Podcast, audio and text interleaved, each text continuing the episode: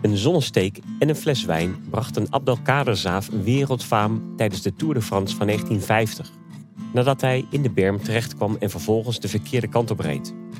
Een jaar later werd hij allerlaatste, maar speelde hij evengoed een belangrijke rol in de strijd om het geel. Welkom bij een nieuwe aflevering van Chronieken, een podcast met historische wielerverhalen van Eurosport. Vandaag duiken we in het verhaal van Abdelkader Zaaf, een kleurrijk figuur in het peloton, die te vaak als een clowneske dronkaard wordt afgeschilderd.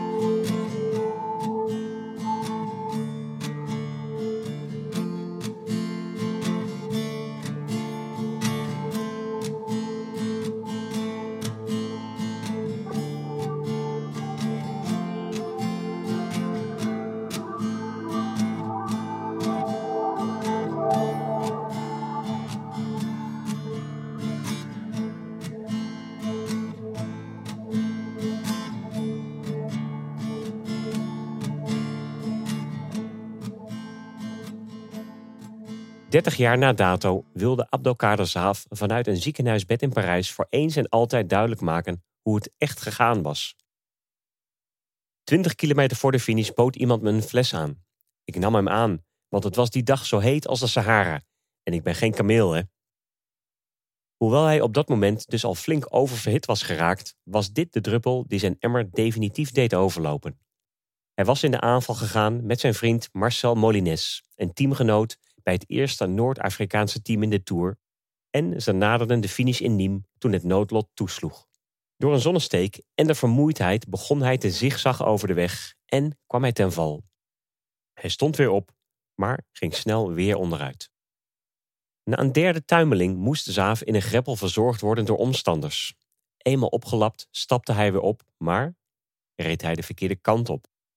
Niet zo ver hoor, slechts een paar meter, herinnert Zaaf zich. Maar dat weerhield de mensen er niet van me als dronkaard te bestempelen. Natuurlijk rook ik naar alcohol. Ze hadden een hele fles ervan over mijn hoofd leeggegoten.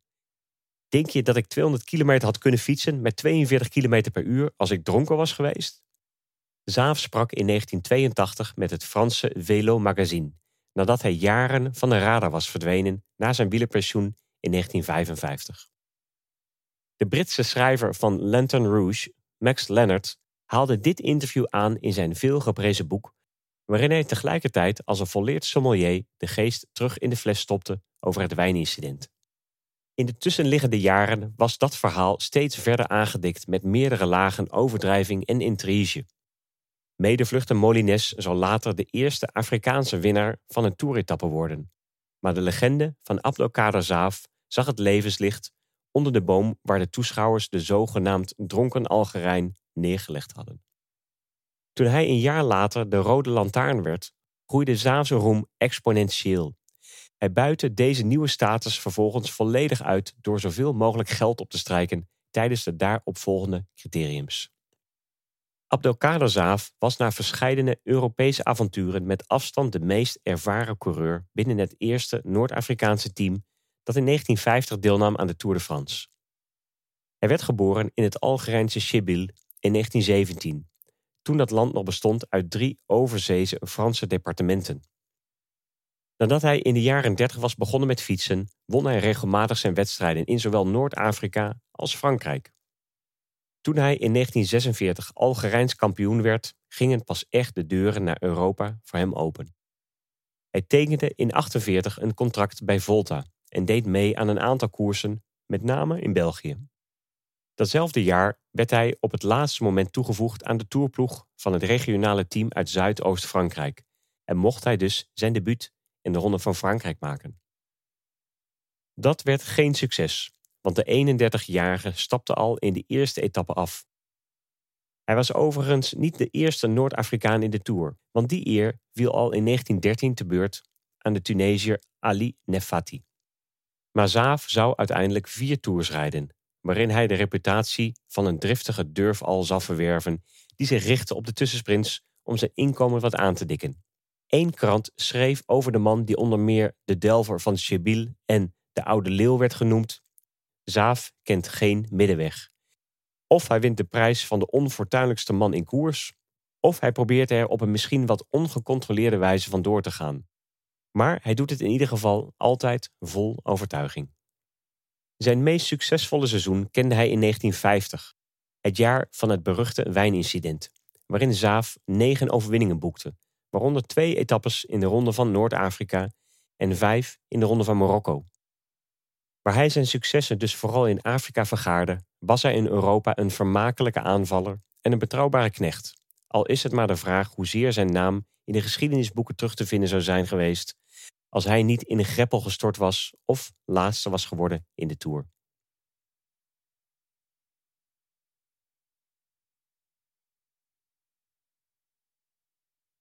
Het is moeilijk uit te maken wie of wat je moet geloven als het aankomt op het incident waaraan Zaaf zijn roem dankt. Veel lijkt gebaseerd te zijn op onduidelijke tv-beelden en een paar foto's die ervan bestaan, waarna vervolgens journalisten en schrijvers de stippen met elkaar hebben verbonden met hun eigen verbeelding. Iedereen die ooggetuige was van Zaafs ineenstorting is inmiddels dood, terwijl de hoofdpersoon zich er slechts één keer over heeft uitgesproken. 30 jaar na dato, terwijl hij destijds al ernstig ziek was. Maar laten we beginnen met wat context over deze gouden periode van het wielrennen. Of zoals Lantern Rouge-auteur Leonard schreef: Dit was een tijdperk dat mannen nog mannen waren en de Tour nog altijd een stoffige, gevaarlijke, heroïsche aangelegenheid. Terwijl de verhalen en beelden van de renners via kranten, radio en uiteindelijk zelfs televisie meer dan ooit verslonden werden door de fans. Het was de tijd van de Hollywood glimlach van Louis Bobet, de kam en het strak achterover gekamde haar van Hugo Coblet, de onverstoorbare klasse van Fausto Coppi of de bedroefde, voorkomende chic van Jacques Anquetil. Die stuk voor stuk de allure van James Dean, Cary Grant en Elvis Presley op een eigen manier in zich vereenzelvigd hadden. In dat gezelschap, benadrukt Leonard, was Abdelkader Zaaf een opvallende verschijning en niet in de laatste plaats omdat hij een moslim uit Algerije was en de rode lantaarn in plaats van de gele trui. Toch zorgde hij er met zijn kleurrijke persoonlijkheid, ter verstandhouding met het publiek en de door hem zelf gecreëerde mythe voor dat hij hun gelijke was. De Tour van 1950 werd verreden in bloedhete omstandigheden. Op een gegeven moment werd de hitte dusdanig ondraaglijk dat het halve peloton een duik nam in de golf van Saint-Tropez. De toerdirecteur was ziedend en deed de heerlijk chagrijnige uitspraak: De renners hadden beter de beginselen van hun zware beroep kunnen aanleren of bijspijkeren dan te vervallen in dergelijke kermiscapriolen. Tijdens de dertiende etappe van Perpignan naar Nîmes, andermaal een snikhete dag in Zuid-Frankrijk, vond het Zaaf-incident plaats.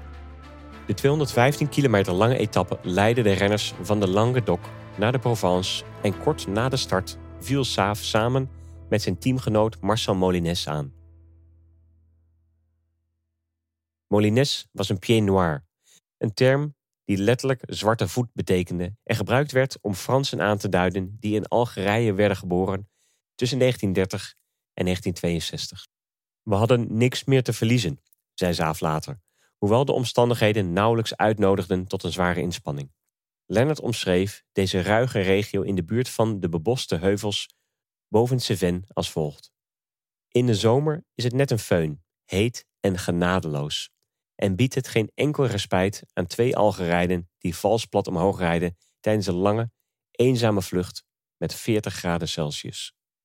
Toch slaagde het tweetal erin om een voorsprong van 20 minuten op het peloton op te bouwen en de ritzege leek binnen handbereik van de ongestructureerde en rommelige zesmansformatie bestaande uit vier Algerijnen en twee Marokkanen.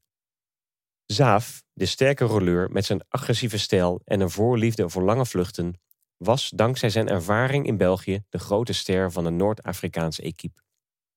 Gemotiveerd om zijn teleurstellende prestaties van twee jaar eerder te verbeteren, had Zaaf naar eigen zeggen meer dan 200.000 kilometer, waaronder de Ronde van Zwitserland, in de benen om zich optimaal voor te bereiden op de Ronde van Frankrijk. Hij was impulsief, direct en schuwde de confrontatie niet, schreef Lennart. Zaaf was een bonkige, kalende kerel met bovenarmen als een bokser, goed lachs en altijd bereid om in de aanval te trekken.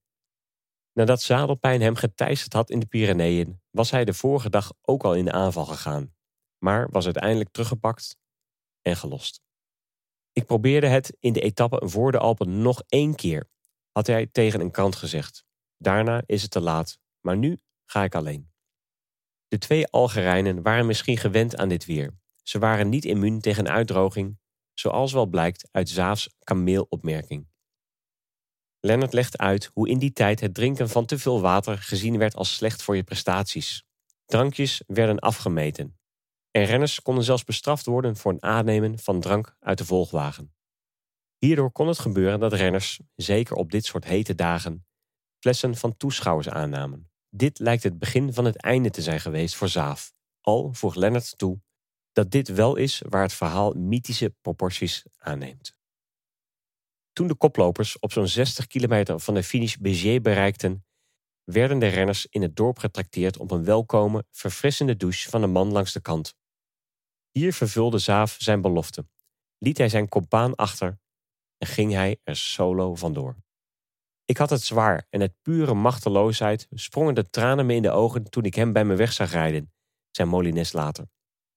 De volgende keer dat hij zijn landgenoot zag, lag die uitgestrekt en bewusteloos onder een boom op 28 kilometer van de finish.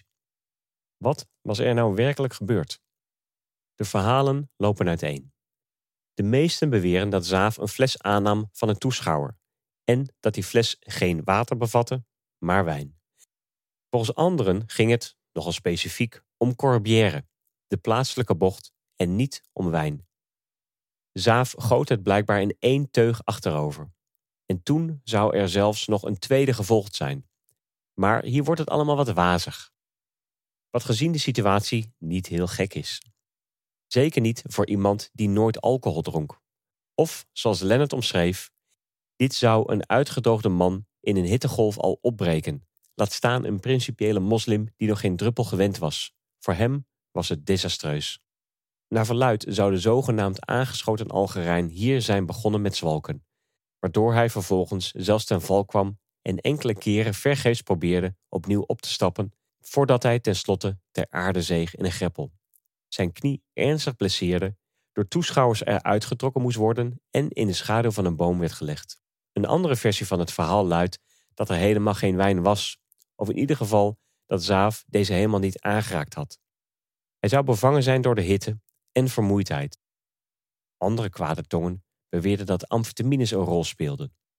Hoe het ook zij, Zaaf verloor het bewustzijn en moest door toeschouwers weer bijgebracht worden, die hem daarbij overgoten met wijn. Zaaf zat onderuitgezakt tegen een van de bomen langs de weg tussen de Restinclière en Sommière, omringd door een menigte mensen. Hoewel, hiervan hebben we fotografisch bewijs. Of hij ook daadwerkelijk in slaap was gevallen, is onduidelijk.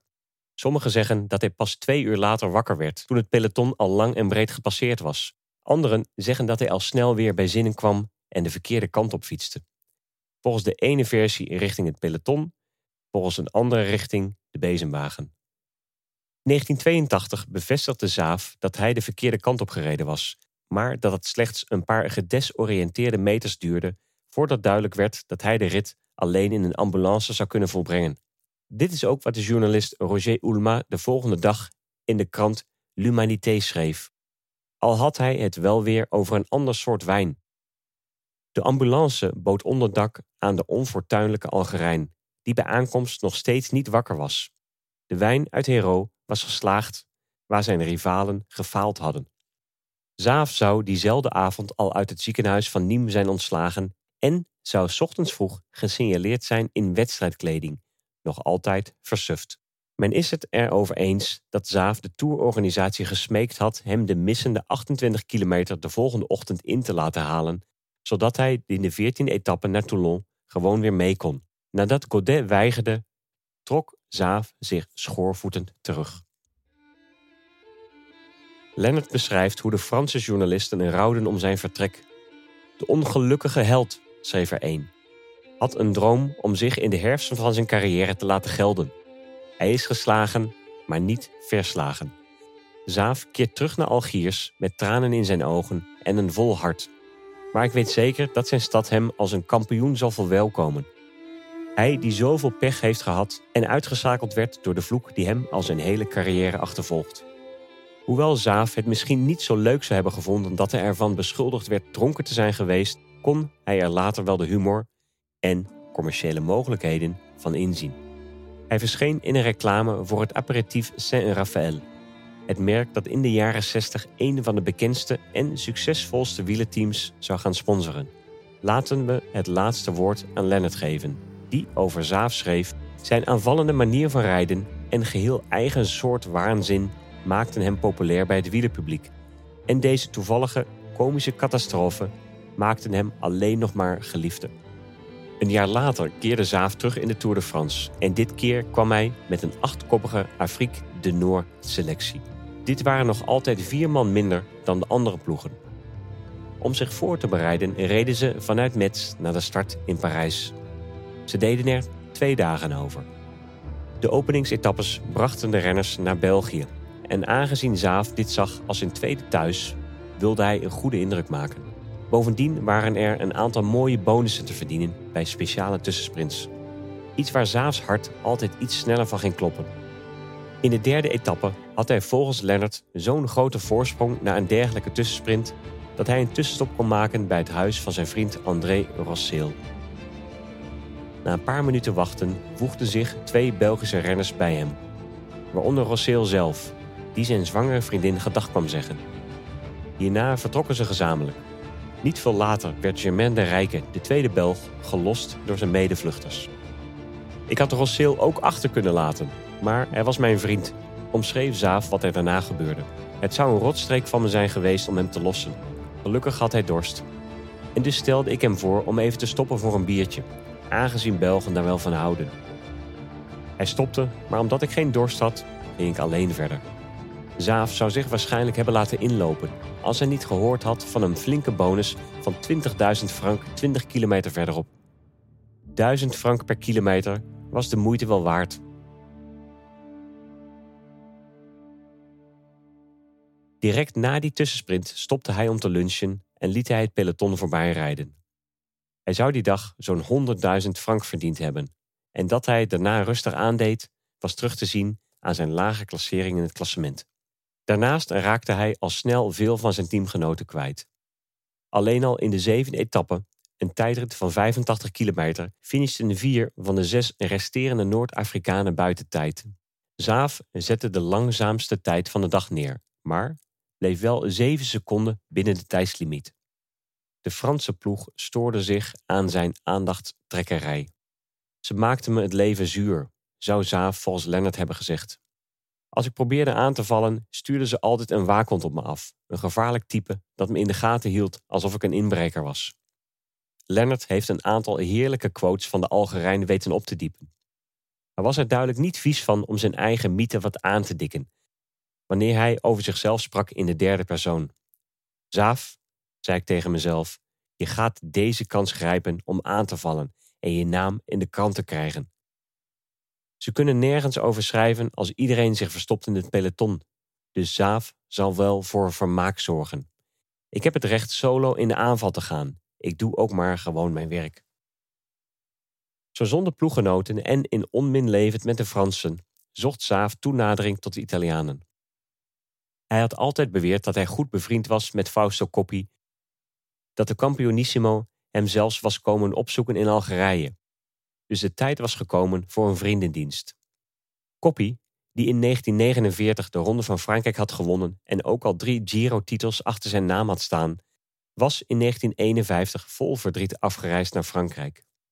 Zijn jongere broer Serse, die twee jaar eerder onder controversiële omstandigheden Parijs-Roubaix had gewonnen, was tijdens de Giro del Piemonte met een wiel in een tramsport terechtgekomen en overleed niet veel later in de armen van zijn broer aan zijn verwondingen. Vanwege commerciële verplichtingen moest Fausto een week daarna alweer koersen, maar zijn gedachten waren er duidelijk niet bij. Na een twijfelachtig begin had Coppi zich in de Alpen langzaamaan in vorm gereden en stond aan de start van de 16e etappe van Carcassonne naar Montpellier inmiddels op een vierde plek, vijf minuten achter klassementsleider Hugo Coblet. Met de Pyreneeën in het verschiet leek een opmerkelijke remonte van de Italiaan verre van uitgesloten. Zaaf benaderde de Italiaanse ploeg en stelde een pact voor. Hij zou aanvallen, waarna twee Italianen met veel vertoon de achtervolging op hem zouden inzetten, terwijl de rest van de Azzurri het peloton afstopt. Ik zal voor jullie werken, maar laat mij een ritje winnen. Ik moet thuis veel monden voeden, zou Zaaf gepleit hebben. Als wederdienst beloofde Zaaf dus de rest van de ronde voor de Italiaanse ploeg te rijden. Coppi ging akkoord en het plan werd de dag nadat Zaafs maatje Rosseel zijn tweede ritzege had geboekt, in werking gesteld. Het plan pakte averechts uit. Op een andermaal snikhete dag gaf Zaaf op 150 kilometer van de finish de Italianen het startsein, maar zij vonden het veel te vroeg. Een kwade Zaaf was het daar niet mee eens. Hij had voor zijn gevoel een stevige marge nodig om weg te kunnen blijven en een sprint te vermijden. Een Zaaf-aanval met nog maar 40 kilometer te gaan is geen Zaaf-aanval, klaagde hij. Als jullie de afspraak niet willen eerbiedigen, ga ik er zelf vandoor en laat ik het hele huis instorten. Hij gebruikte hier de Franse uitdrukking casser la baraque, wat hem al snel een nieuwe bijnaam zou opleveren. Nu hij de afspraak van tafel achtte, wachtte Zaaf op een moment dat het peloton een plaspauze hield en ging hij er vandoor. Zonder de hulp van de Italianen werd hij al snel weer ingerekend door het Franse trio Louis Bobet, Raphaël Gimignani en Lucien Lazarides en de Franse klassementsleider Coblet. We spugen je straks weer uit, zou Bobet op de volgende klim tegen hem gezegd hebben. Praat lekker verder, ik zal er niet minder om aanvallen, was Zaafs kenmerkende gewaagde reactie. Natuurlijk duurde het niet lang voordat Zaaf inderdaad gelost werd, en het was Coblet die die etappe won en daarmee zijn greep op de gele trui verstevigde. Maar dat was natuurlijk niet het hele verhaal. Zaaf kon niet weten dat Koppie brak in de chaos die ontstond na zijn aanval. Het anticiperen op alle tegenreacties die volgden had hem te veel kracht gekost. En hoewel hij nog wel op maar 30 seconden van de achtervolgers kwam, werd hij op dat moment getroffen door een ernstige misselijkheid die hem dwong te stoppen en over te geven in de berm. Uiteindelijk werd hij naar de finish gereden door zijn illustere teamgenoten Gino Bartali en Fiorenzo Magni en verloor hij die dag 33 minuten op Coblet en zelfs 20 op Zaaf, de man die zijn ondergang had ingeluid. Er wordt beweerd dat Koppie die avond Zaafs hotelkamer instormde om verhaal te halen, waarop de onaangedane Algerijn zou gezegd hebben: Fausto, de echte schuldigen zijn je teamgenoten die zich niet aan hun woord hebben gehouden. Ik zie de Italianen niet als verraders, maar jullie namen me niet serieus. Vanaf die dag zou Zaaf bekend staan als casseur de barak, de huisbreker. Nu was hij dus niet alleen een vijand van de Fransen, maar ook gebrouilleerd met de Italianen. En stond hij ook nog eens laatste met nog maar één teamgenoot over. Op zijn zachtst gezegd stond hij er niet best voor. Het was tijd om wat goed te maken. En dus reed hij de twintigste etappe naar Briançon, clandestien in dienst van Koppie. De gele trui was misschien uit het zicht verdwenen, maar Il Campionissimo wilde nog wel zijn tour redden met een ritzege. In Lantern Rouge beschrijft Lennart hoe Zaaf afsprak om tussen de beklimmingen van de Col de Var en de Col de Izoar aan te vallen, waarna de reiger hem als springplank kon gebruiken om zelf een vlucht te nemen. Koppie stemde in, maar lichten zijn teamgenoten er niet over in. Dit keer pakte het plan perfect uit. Zaaf viel aan, maar kneep meteen in de remmen toen de anderen op zijn wiel zaten, waarna Koppie er aan de andere kant van de weg vandoor ging. Roger Buchonnet, die het conclaaf tussen de twee gehoord had, was de enige die met Koppie meesprong. Maar hij werd al snel gelost en finishte uiteindelijk als tweede op 3 minuten en 43 seconden. 26 seconden daar weer achter kwam Coblet over de streep, terwijl de Fransen in kluitjes binnenkwamen en allemaal minstens 9 minuten verloren. Nummer 2 Gimignani stond nu al 9 minuten achter Coblet, waarmee zijn kansen op de winst definitief verkeken leken. Een kleine overwinning voor Zaaf. Het was een zegen om de eer voor Koppie, maar voor Zaaf was het een vorm van genoegdoening, schrijft Lennart. Door Koppie te helpen bracht hij zichzelf in gevaar maar toen hij over de streep kwam, kon hij een dikke vinger opsteken richting zijn Franse vijanden. Zaaf reed de ronde uit en eindigde als allerlaatste als 66ste van de 123 gestarte renners en met een achterstand van 5 uur op winnaar Coblet. Hij was verzekerd van de Rode Lantaarn en zijn verhaal wordt 70 jaar later nog naverteld. Vele rode lantaarns van die tijd zijn inmiddels lang en breed vergeten, maar Zaaf niet. En dat heeft hij deels te danken aan het mythische verhaal rond het wijnincident. Als je in de warme zomer van 1950 in Nîmes een Zaaf bestelde, kreeg je een klein glaasje wijn geserveerd.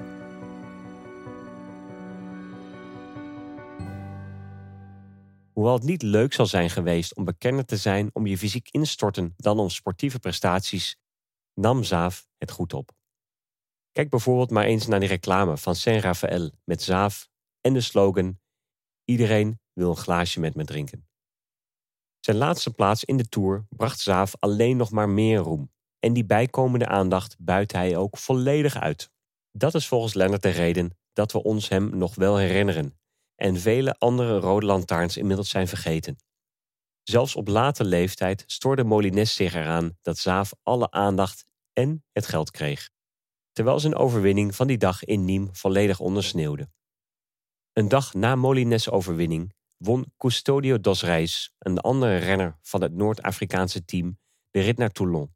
Maar toch is de Portugees Frans-Algerijnse renner vandaag de dag bijna volledig vergeten.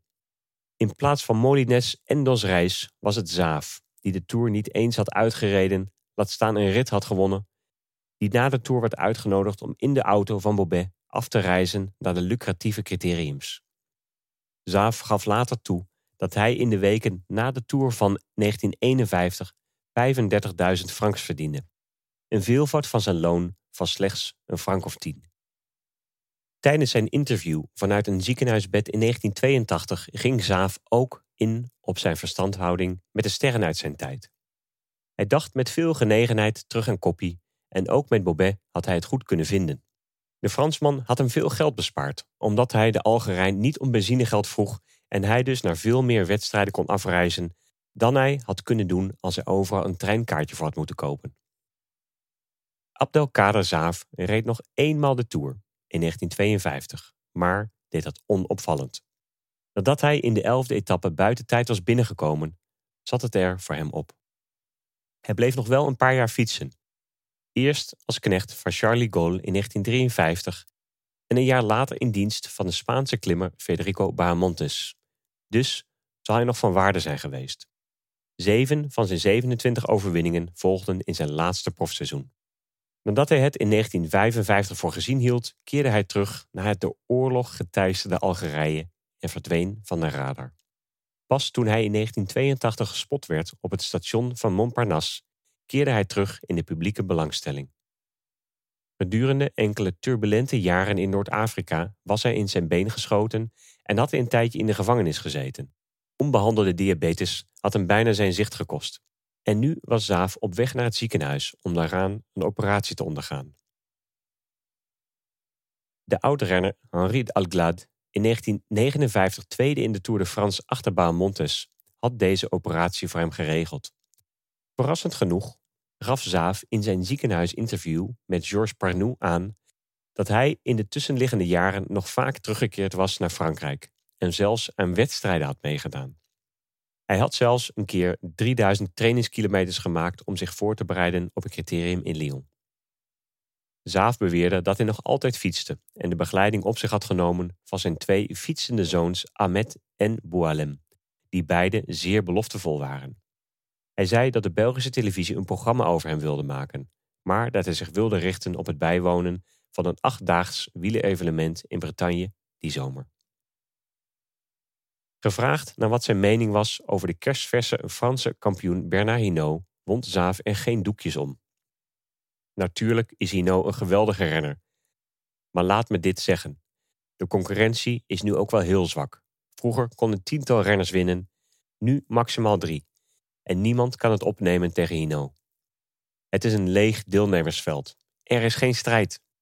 Tegenwoordig heb je alle tijd om eten uit je achterzak te pakken. In mijn tijd moest je de hele tijd je handen aan het stuur houden.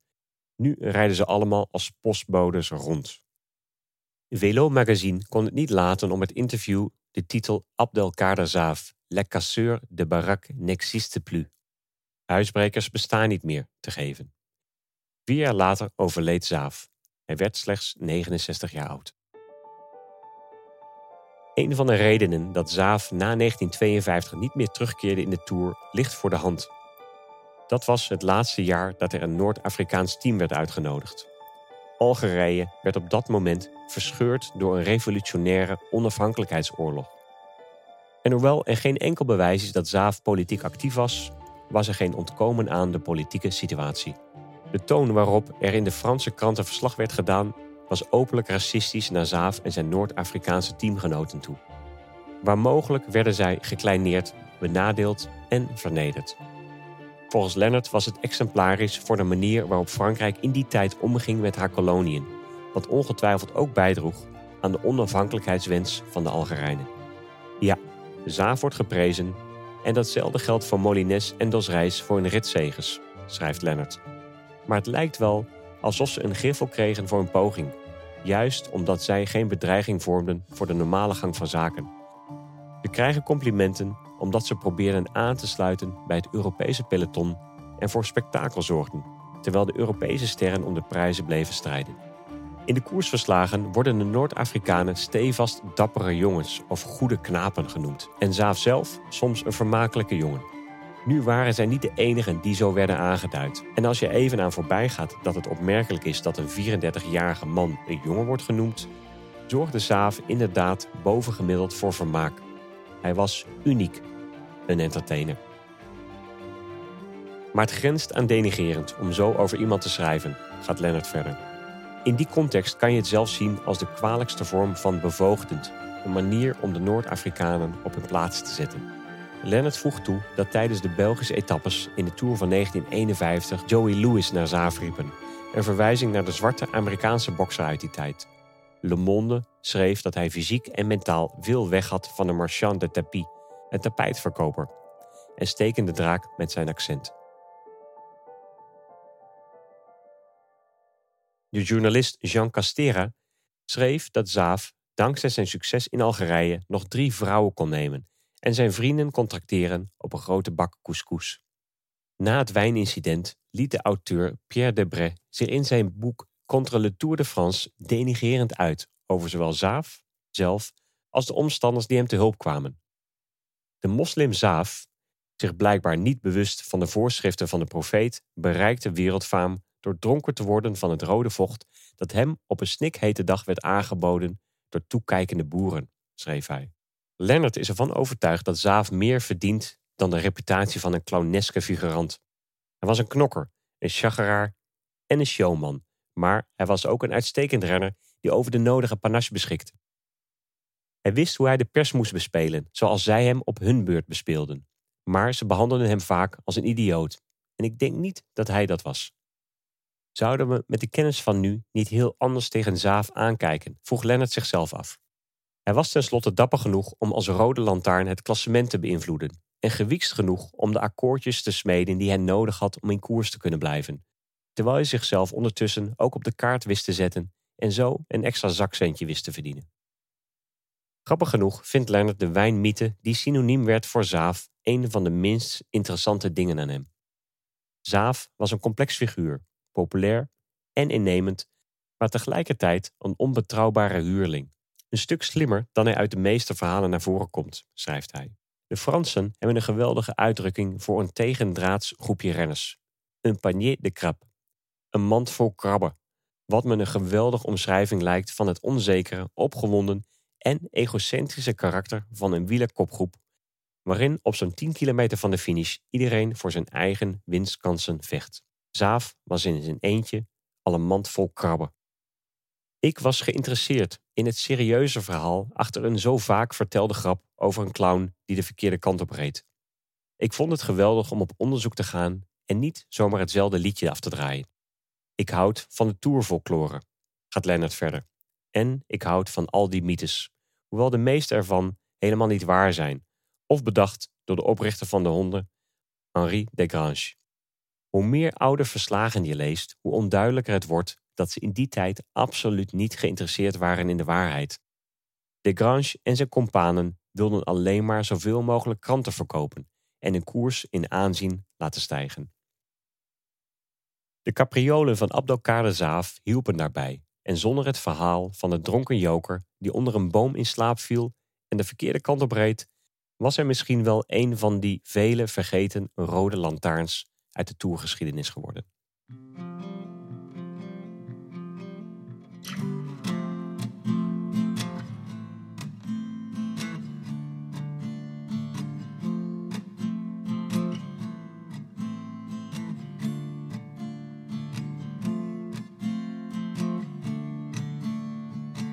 Chronieken is een podcast van Eurosport, geschreven door Felix Low en verteld door mij, Karsten Kroon. Bewerking en eindredactie zijn van Sander Grasman en productie door Fabian Collau. Meer stukjes wielenhistorie door Felix zijn te vinden op Twitter via @saddleblaze. Als je mij wilt volgen, kan dat via @karstenkroon op Twitter. Eurosport volg je via @eurosport_nl. Bovendien vind je ons op Instagram en Facebook alle afleveringen van Chronieken zijn ook te lezen als artikel op eurosport.nl. Dit was de dertiende aflevering van het derde seizoen.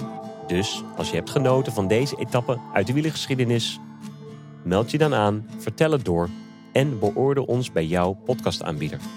Tot de volgende keer als we teruggaan naar een van de mooiste Nederlandse etappezegens ooit. Michael Bogert, die zegeviert op La Plagne.